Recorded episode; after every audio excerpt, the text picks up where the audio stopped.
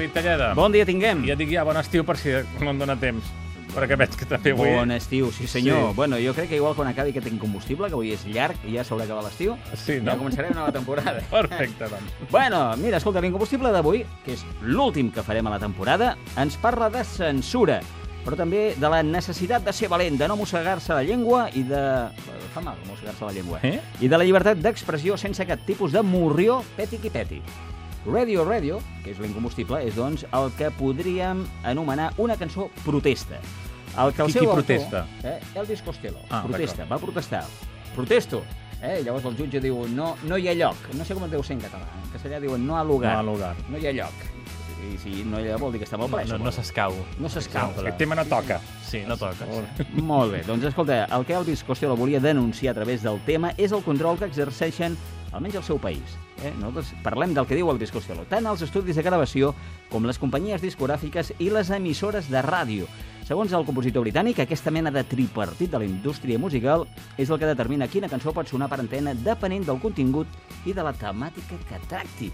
Fins i tot en una estrofa, Elvis Costello fa una referència clara i explícita al clàssic God Save the Queen dels Sex Pistols, que va tenir tota mena d'impediments i que fins i tot, recordem la reina d'Anglaterra en persona va trucar i va dir no vull que aquesta cançó arribi al número 1 de les llistes d'èxit del meu país, del Regne Unit. I això no pot va arribar. passar? Això va passar. Però aquí, en l'època de Clash, tots aquests, tots vam haver de passar per la censura i és com un, és com un pas més en la carrera. Uh, Diguem-ne que ells feien les seves cançons, però era difícil que algunes grans emissores les uh, posessin en antena per la Però al temàtica final, que qui va passar? Parlar-ho, que es diu, les ràdios, perquè van acabar sonant igual. Sí, això sí, però eh, va costar i Elvis Costello en el seu dia i en el seu moment va dir això s'ha de denunciar i jo ho denuncio a través d'aquesta cançó. L'Atza, imagina, per què hem citat els Sex Pistols?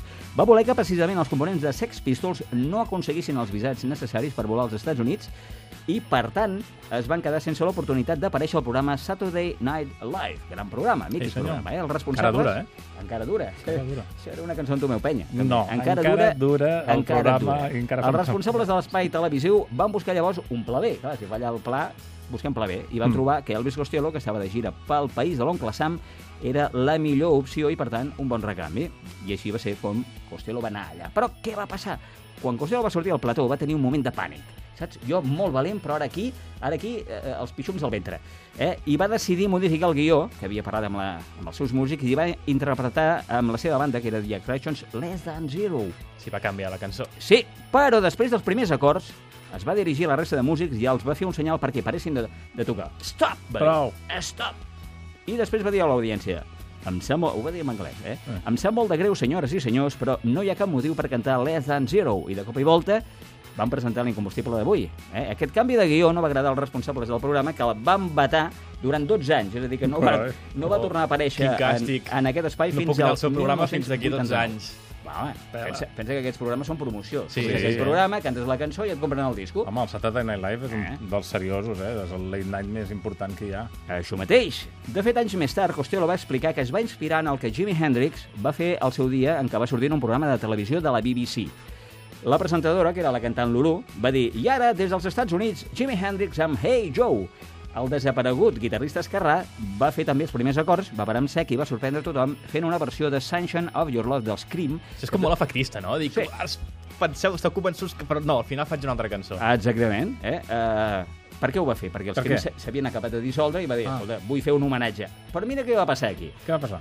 Els espectadors no van poder veure aquest canvi, perquè els productors del BBC van tallar immediatament l'emissió. En sec. Això sí que se'n diu censura, eh? I ara ens podríem remuntar al 16 de gener d'aquest 2012, fa quatre dies, com qui diu. Sí. St. Vincent va fer el mateix al programa Nocturne Conan del showman Conan O'Brien. Primers acords del tema Cheerleader, per després fer un homenatge a Elvis Costello amb Radio, Radio, que és, recordem-ho, l'últim gran incombustible temporada. Però com sempre recordo a tots els oients, el podcast d'ICAT FM, si els voleu recuperar Estarà des del per sempre, dia, estarà in eternum. per sempre. David Talleda, gràcies com sempre. A vosaltres. Bon estiu. Bon estiu.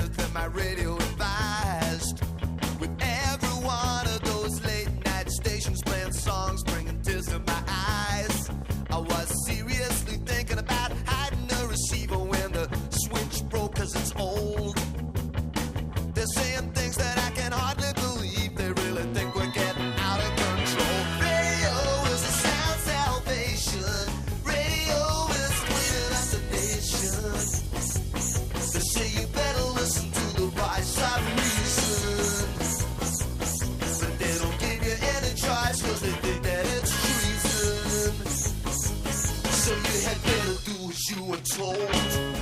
You better listen to the radio.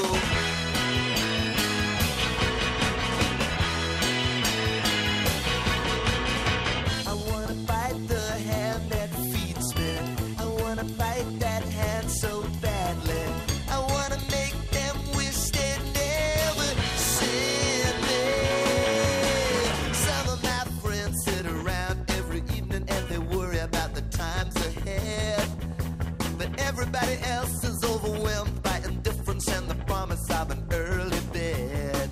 You either shut up or get cut out. They don't wanna hear about it. It's only inches on the real to real, And the radio is in the hands of such a lot of fools trying to anesthetize